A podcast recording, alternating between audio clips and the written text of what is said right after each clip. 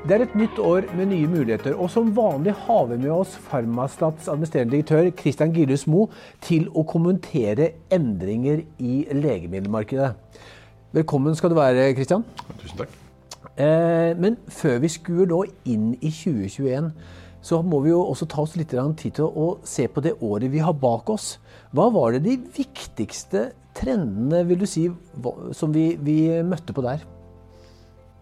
2020 var jo annerledesåret på veldig mange måter. Ehm, for alle. Mm. Og det er jo den volatiliteten som 2020 har gitt, i, og har gitt mange forskjellige utslag i, eh, som har vært veldig spennende å se fra sidelinjen. Og noe av det vi ser, er jo at eh, det for første gang er Sandos, en generikaprodusent, som da har omsatt for mest i 2020. Mm. Og det, det, er jo spennende i seg selv. Så, så det er eh, det største legemiddelselskapet når vi, vi, vi, runder 2020? I omsetning, ja. Mm. Og, og, hvem er på de neste plassene? Eh, Novartis, Pfizer, eh, og da må vi jukse litt, så vi får det riktig. MSD, Takeda eh, og BMS. Ja. Og så har vi faktisk eh, Novo Nordisk på tiendeplass, som eh, er første gang da på topp 10-listen. Mm. Og det Novo Nordisk, dansk stort uh, legemiddelselskap, jobber da primært innenfor diabetesområdet. Ja. ja. Og de har jo hatt en eventyrlig vekst de senere årene og bygget sten på sten og mm. virkelig tatt den posisjonen mm. som, som er solid. Imponerende. Eh, vi kom ikke langt inn i 2020, i mars ganske nøyaktig. 12. mars så ble vi truffet av covid-19-pandemien og nedstengning. Eh, det gjorde noe med legemiddelmarkedet. Hva var de viktigste tingene som, eh, som dere ser at denne epidemien gjorde? Det, det vi så først, var jo at jeg, tror mye av kronikerpasientene hadde et behov for å ha lokale beredskapslager.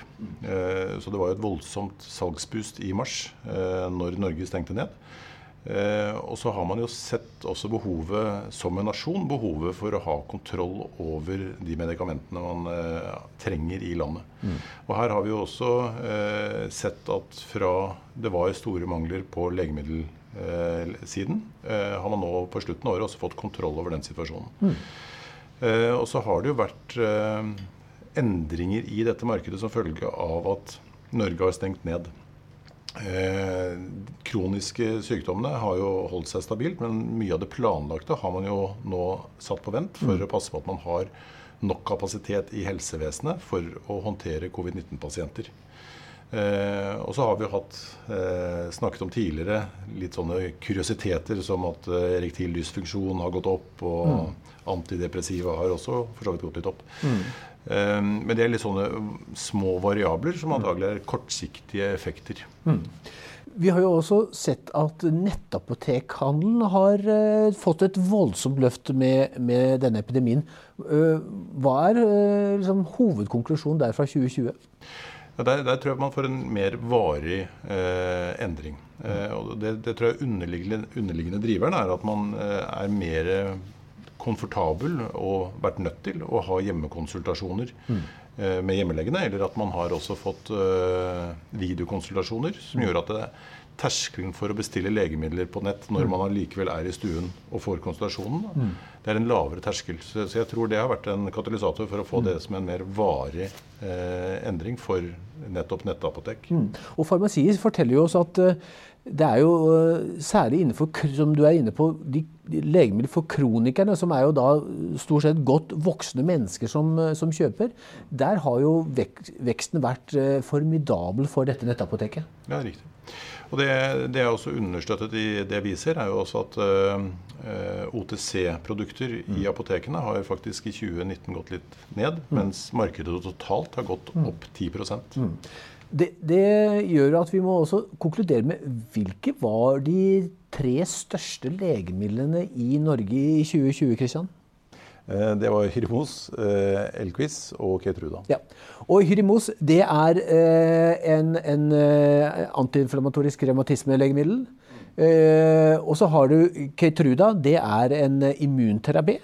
Og så har du også da en, den tredje hjertemedisin. Dette var jo også året hvor, hvor to, det var to immunterapi som var blant de ti største. altså I tillegg til Keytruda også Optivo.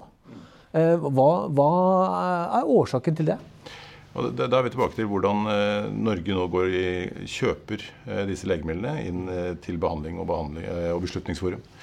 Um, og det er jo også uh, Hirmos som da har tatt over for uh, middag til uh, Abbey. Mm. og Hirmos hadde da ikke omsetning i Norge i 2019, mm. og har omsetning i år på 675 millioner kroner. Mm.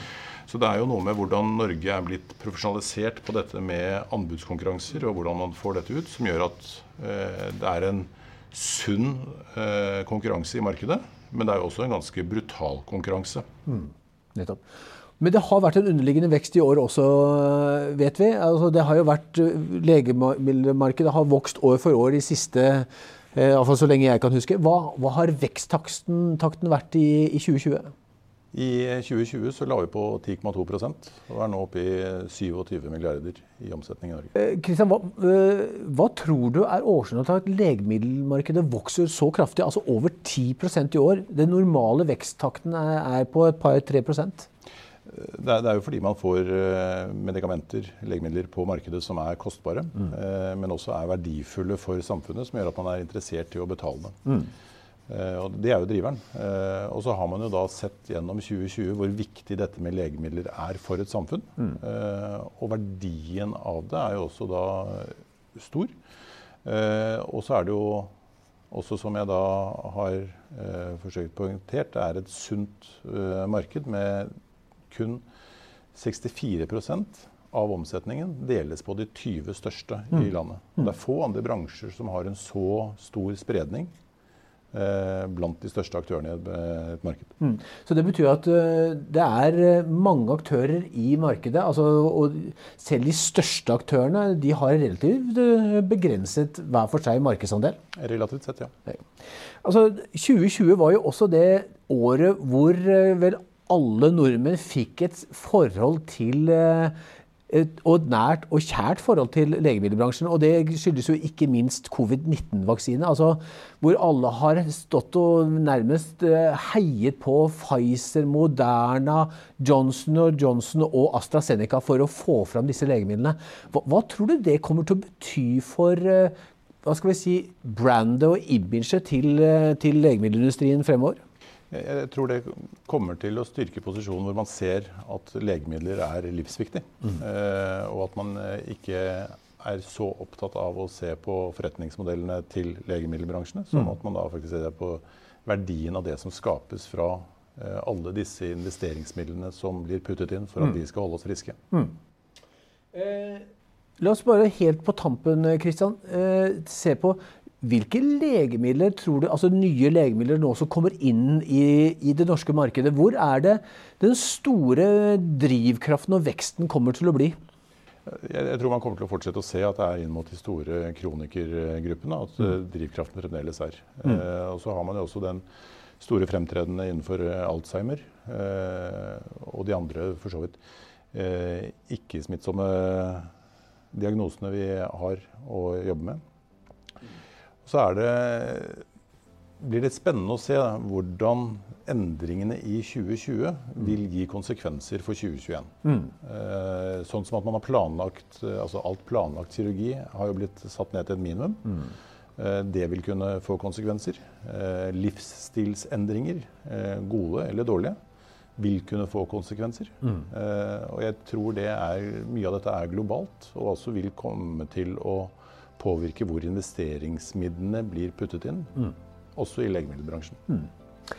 Kristian Gillus Mo, vi går inn i et eh, kjempespennende år. Vi er så vidt startet. Eh, vi får krysse fingrene og håpe at eh, Norge og ikke minst resten av verden får nok vaksiner, slik at vi kan komme litt tilbake i gammel, god gjenge. Men det du helt på tampen sier, det er at 2020 det har endret legemiddelmarkedet og måten pasientene opptrer på, på, tror du på en varig måte? Ja, det tror jeg. Tusen takk for at du kom. Vi ses snart igjen. Takk skal du ha.